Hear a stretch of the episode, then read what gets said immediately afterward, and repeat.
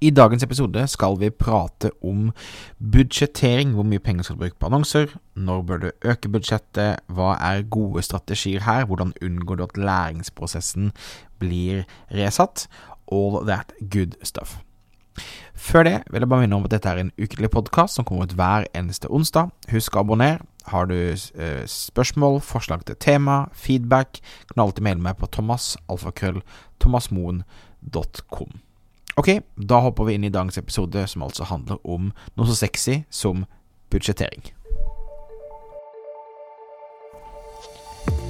Stadig flere små bedrifter i Norge oppdager at med riktig markedsføring kan man utfordre de store, tradisjonelle bedriftene. At vi har fokus på å bygge tillit og gode relasjoner, kan små bedrifter oppnå store ting. Velkommen til podkasten 'Suksess med Facebook-annonsering'.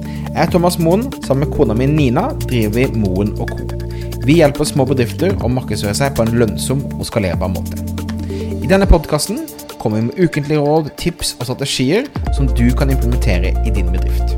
Om du er helt ny på annonsering, kan du få vårt gratis introduksjonskurs ved å gå til thomasmo.com minikurs. Det å sette riktig budsjett når man annonserer på Facebook, er kanskje noe av det aller viktigste man gjør for å få rask suksess. Og eh, det kan være en jungel der ute i, prøve, i, forhold til å prøve å forstå hva er riktig, hva er riktig taktikk, hva er riktig strategi, hvordan bør jeg tenke rundt dette. Så først og fremst, når det kommer til budsjettering. Det er alltid lurt å begynne med en, en, en lav daglig budsjett når du skal annonsere. La meg forklare. For det første så anbefaler alltid å unngå å ha livstidsbudsjett på annonsene dine. Fordi at eh, Facebook da har, eh, er dårligere til å optimalisere i forhold til å levere. Og la oss si kampanjen går kjempebra og du tjener masse penger, og så går budsjettet ditt tomt, så må du hele tiden øke budsjettet og øke tidspunktet du skal kjøre en kampanje på med livstidsbudsjett. Mens på daglig budsjett så kan du bare gradvis øke det daglige budsjettet du, du bruker. Og da er Facebook flinkere til å vite hva de skal forholde seg til i morgen, og altså levere og optimalisere på en mye bedre måte. Så det første jeg vil anbefale, er altså da å ha på et dagsbudsjett. Eh, og eh, tanken min er alltid på kampanjer at disse kampanjene skal leve for alltid. Så det skjer endringer selvfølgelig da på annonsenivå i forhold til hva du annonserer for osv. Men jeg ønsker at kampanjen skal leve så lenge som mulig. For all læring skjer i annonsesettet, og jo mer endringer du gjør, jo vanskeligere er det for suksess. For læringsprosessen til Facebook blir ofte da resatt. Så med et daglig budsjett, og da starte lavt, f.eks. med 100 kroner dagen, så vil Facebook med en gang prøve å eh, forvalte de pengene på best mulig måte. Så jeg får alltid billigere resultater hvis jeg starter lavt, enn å starte på en 500-lapp om dagen eller en 1000-lapp på dagen, f.eks. Så strategien min er alltid daglig budsjett, starte lavt, og da hver tredje dag gå inn og se om eh, annonsene leverer som forventet, og eh, da vurdere om jeg skal øke eller senke budsjettet. Og jeg øker eller senker aldri budsjettet med mer enn 20% av hva det daglige eh, spenden var. Og Det handler rett og slett om at jeg ønsker at Facebook ikke skal resette læringsprosessen. Eh, det vil si at Facebook glemmer alt som har skjedd i annonsesettet hvis det blir for store endringer. Så derfor er en god idé å gå inn og sjekke budsjettet hver tredje dag, og da ikke øke mer enn 20% For eksempel da med 100 kroner om dagen, så øke til 120 kroner om dagen, og så vente tre dager til, og så øke med 20% til. Og på denne måten så gir du Facebook hele tiden eh, nok eh, læring, nok budsjett og nok tid til å levere på best mulig måte.